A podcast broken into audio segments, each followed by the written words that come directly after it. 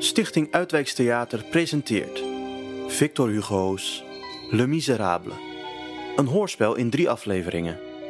Aflevering 2.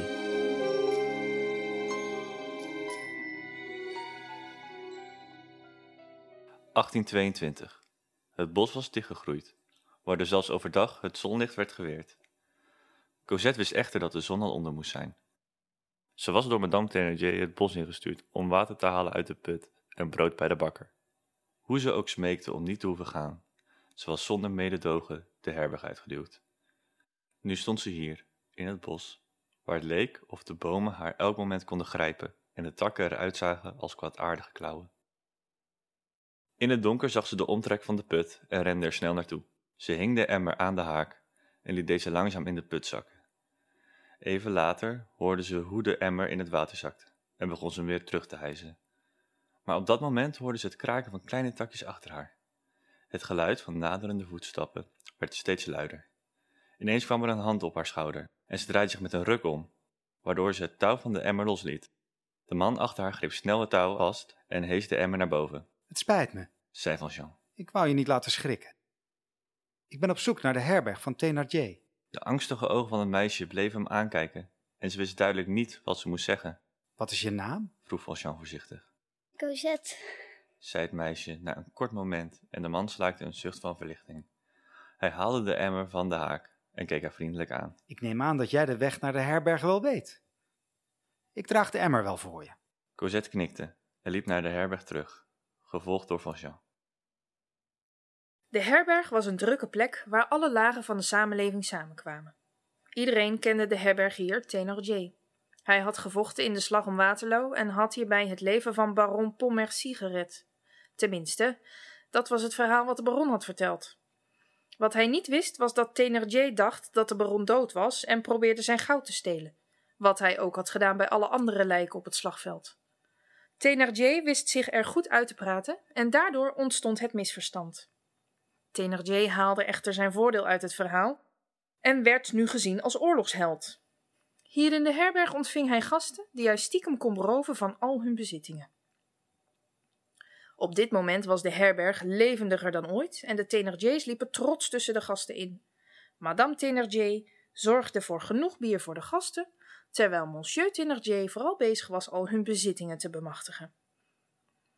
Terwijl hij probeerde een gouden zakhorloge uit de jaszak van een rijke edelman te stelen, werd hij omvergerend door zijn dochtertje Eponine, die probeerde weg te komen van haar zusje Azelma.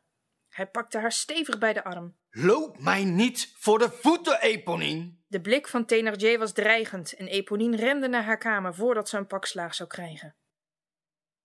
De Thénardiers hadden twee dochters, Eponine en Azelma, en boven in het huis sliep hun pasgeboren zoontje Gavroche. De twee dochters werden opgevoed als ware diverges, maar het ontbrak ze aan niets.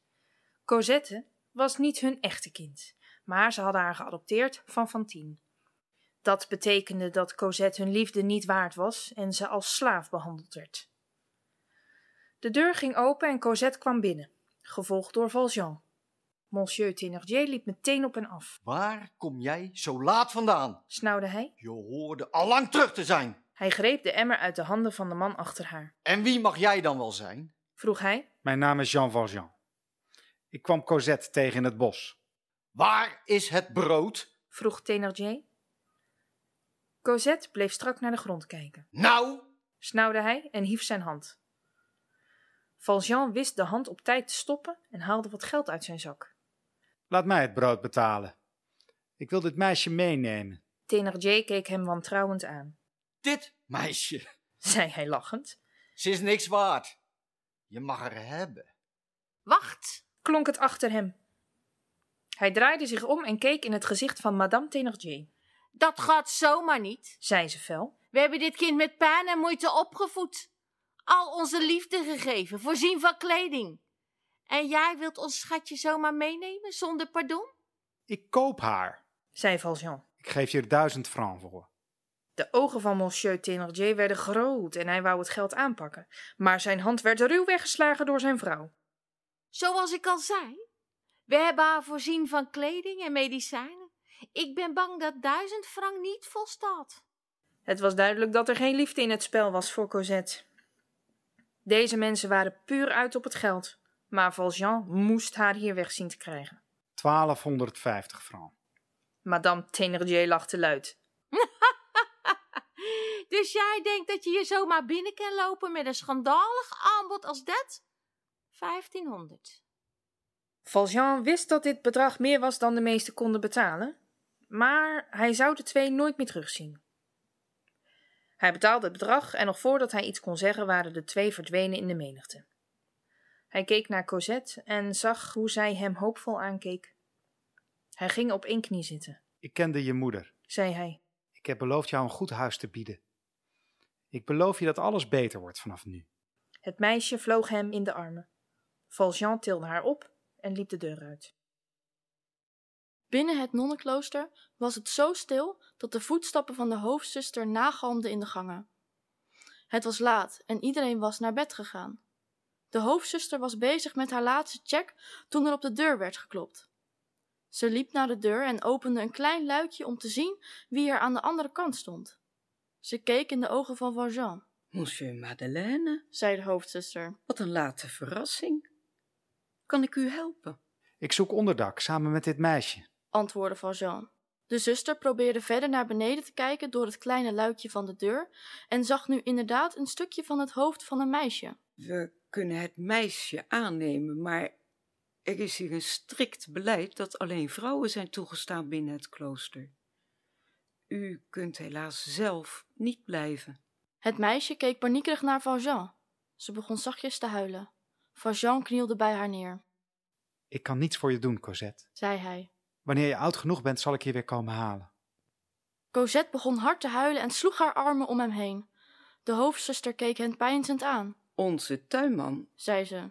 u heeft zijn leven gered toen hij onder de kar lag. Zijn verwondingen belemmeren hem echter in het werken aan de tuin. U kunt zijn baan overnemen. U kunt dan het meisje zien wanneer zij even naar buiten mag. De deur van het klooster ging open. Cosette dook nog dichter bij Valjean. Het is goed. We zijn veilig. Javert zou moeten wachten. De twee liepen naar binnen en de hoofdzuster sloot de deur achter hen. De drukte was voorbij en de Thénardiers stonden heftig ruzie te maken achter de bar. We hadden veel meer voor dat meisje kunnen krijgen. Riep monsieur Thénardier, Jij gaf haar veel te snel weg. antwoordde zijn vrouw. Wanneer jij eindelijk jezelf eens nuttig kan maken met een geklets van je, weet je het alsnog te verprutsen. Ga haar maar achterna. Prima. riep hij en trok melodramatisch zijn jas aan. Net op het moment dat hij bij de deur was aangekomen, vloog deze open. Met grote stappen kwam Javert binnengelopen. Mij is ter oren gekomen Zei Javert, dat hier gehandeld wordt in kinderen. Wie heeft dat verteld? snauwde monsieur Thénardier. Hij werd ruw aan de kant geduwd door zijn vrouw. Kinderhandel noemt ze dat. Ons kind is van ons gestolen. Deze man, sterk als een beer, kwam binnenlopen en heeft ons kind meegenomen. En u weet zeker dat u daar geen geld voor ontvangen heeft? Voor onze prachtige courgette, snikte madame Thénardier. ons oogappeltje, ons diamantje. Javert stopte haar. Bespaar me de façade. Vertel me waar deze man met Cosette naartoe ging. Het Westen. zei monsieur Thénardier. Madame Thénardier keek hem dreigende aan, Dank u. zei Javert, terwijl ze opstond. En, wat krijgen wij voor deze informatie? Vroeg madame Thénardier haar. Niets. Jullie moeten blij zijn dat ik de boel niet leeg laat halen vanwege alle criminele praktijken die jullie uitvoeren. De politie. Dat. Dat zijn echte schurken. zei monsieur Thénardier zachtjes, terwijl Javert richting de deur liep. Bij nader inzien. Haal maar leeg deze tent. zei Javert zonder om te kijken en liep weg. Meerdere agenten kwamen binnen en begonnen meteen de bar leeg te halen. De dreigende blik van madame Thénardier werd nog dreigender en met vlakke hand sloeg zij monsieur Thénardier in het gezicht. 1832. Tien jaar ging voorbij. Parijs was een levendige stad en de cafés op de Jardin de Luxembourg waren altijd vol bezet. Het huis van Valjean, waar hij inmiddels alweer een paar jaar woonde, stond prominent in het midden, tussen de studentencafés en de reguliere. In een van de studentencafés was het druk met jongeren die zich bezighielden met te veel drank en te veel vrouwen. Enjolras, de leider van de studenten, was wild aan het praten over een revolutie voor de republiek. En de rest was het luid met hem eens en ze hieven na elke energieke zin het glas hoog in de lucht. De deur zwaaide open en Marius kwam binnen. Hij liep regelrecht naar de tafel met de studenten, pakte een van de bierglazen die toevallig op tafel stond en dronk deze in één teug leeg. Grantaire, die wel van een drankje hield, keek hem stom verbaasd aan, aangezien het zijn drankje was dat zo gulzig werd leeggedronken.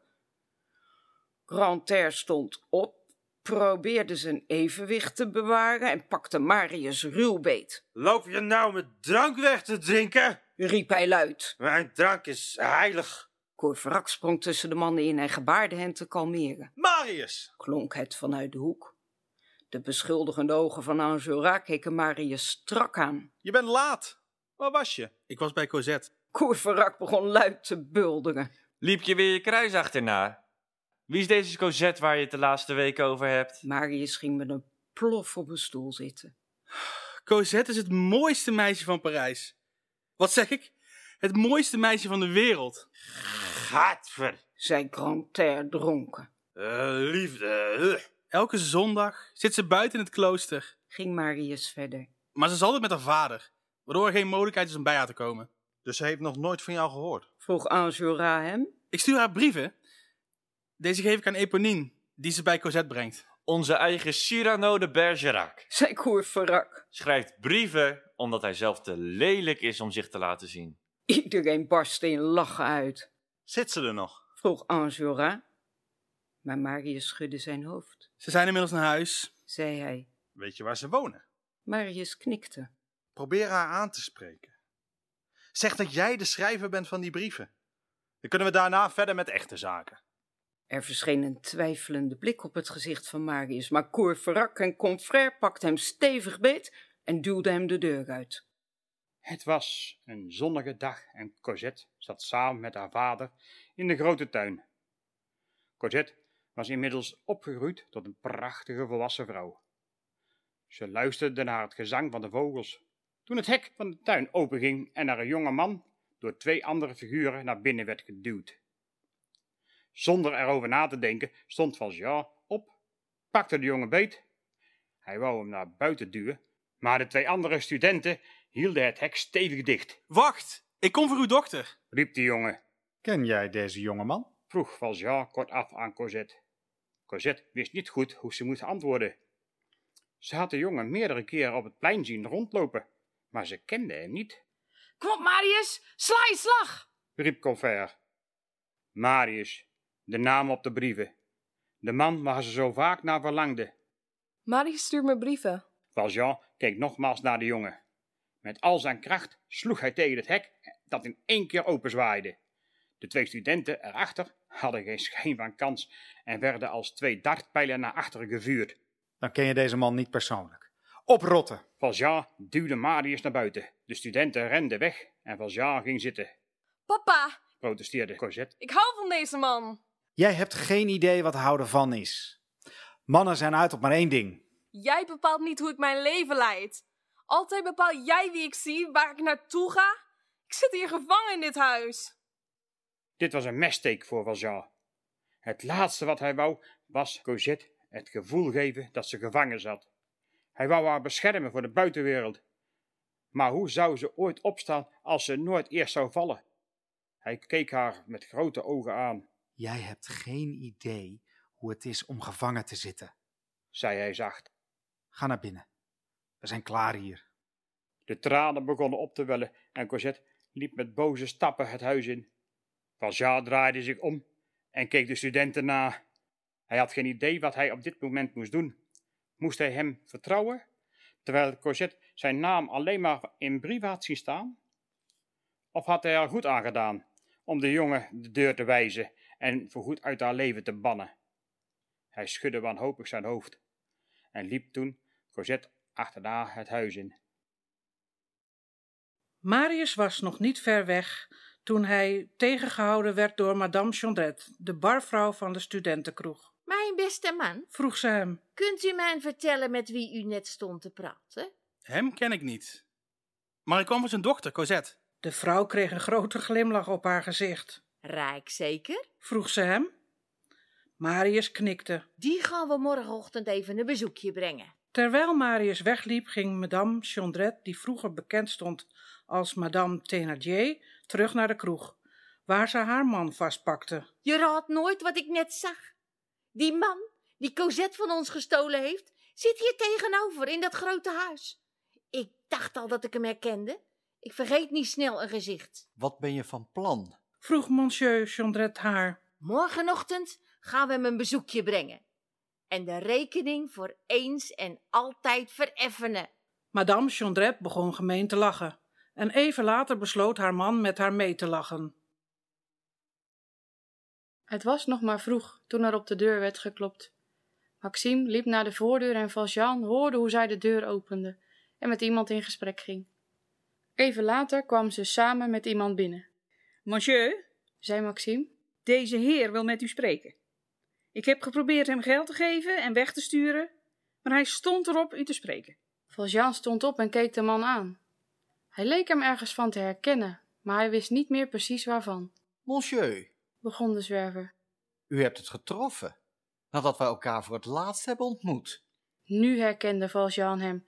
Thénardier, de man van de herberg in Montfermeil. Ik eis dat u mijn huis per direct verlaat.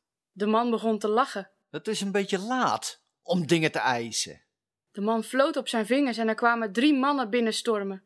Ze sloegen Valjean tegen de grond en doken toen alle drie bovenop hem.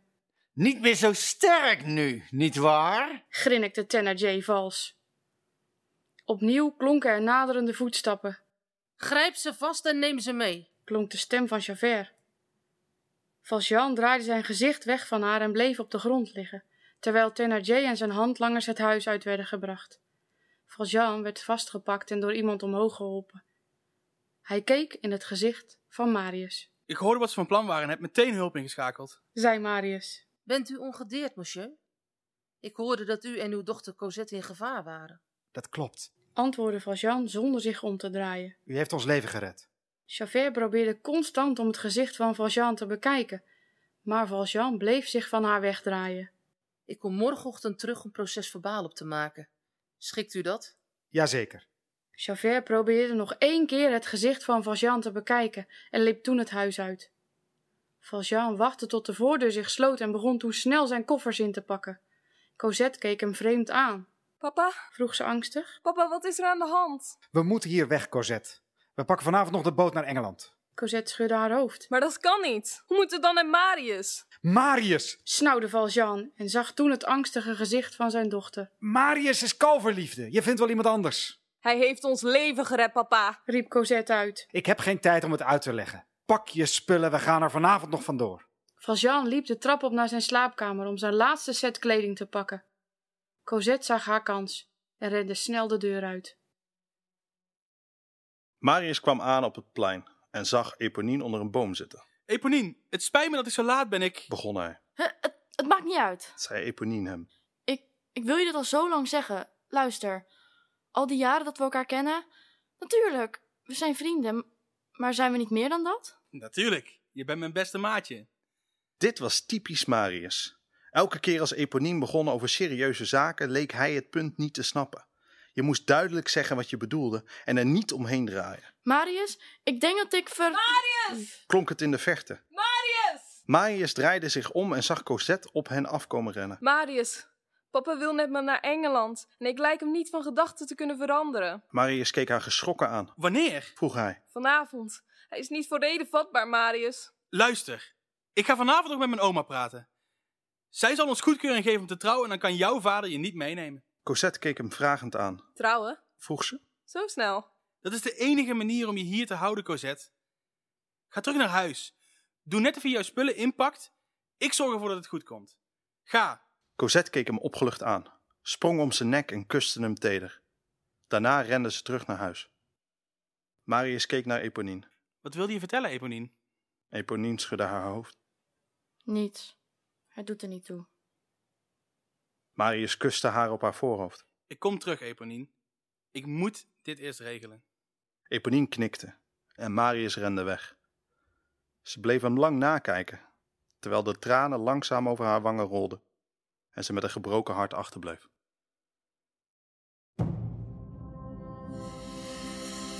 Dit was aflevering 2 van Victor Hugo's Le Miserable, een productie van De Stuiter. Voor meer informatie kunt u terecht op www.destuiter.nl. Bedankt voor het luisteren.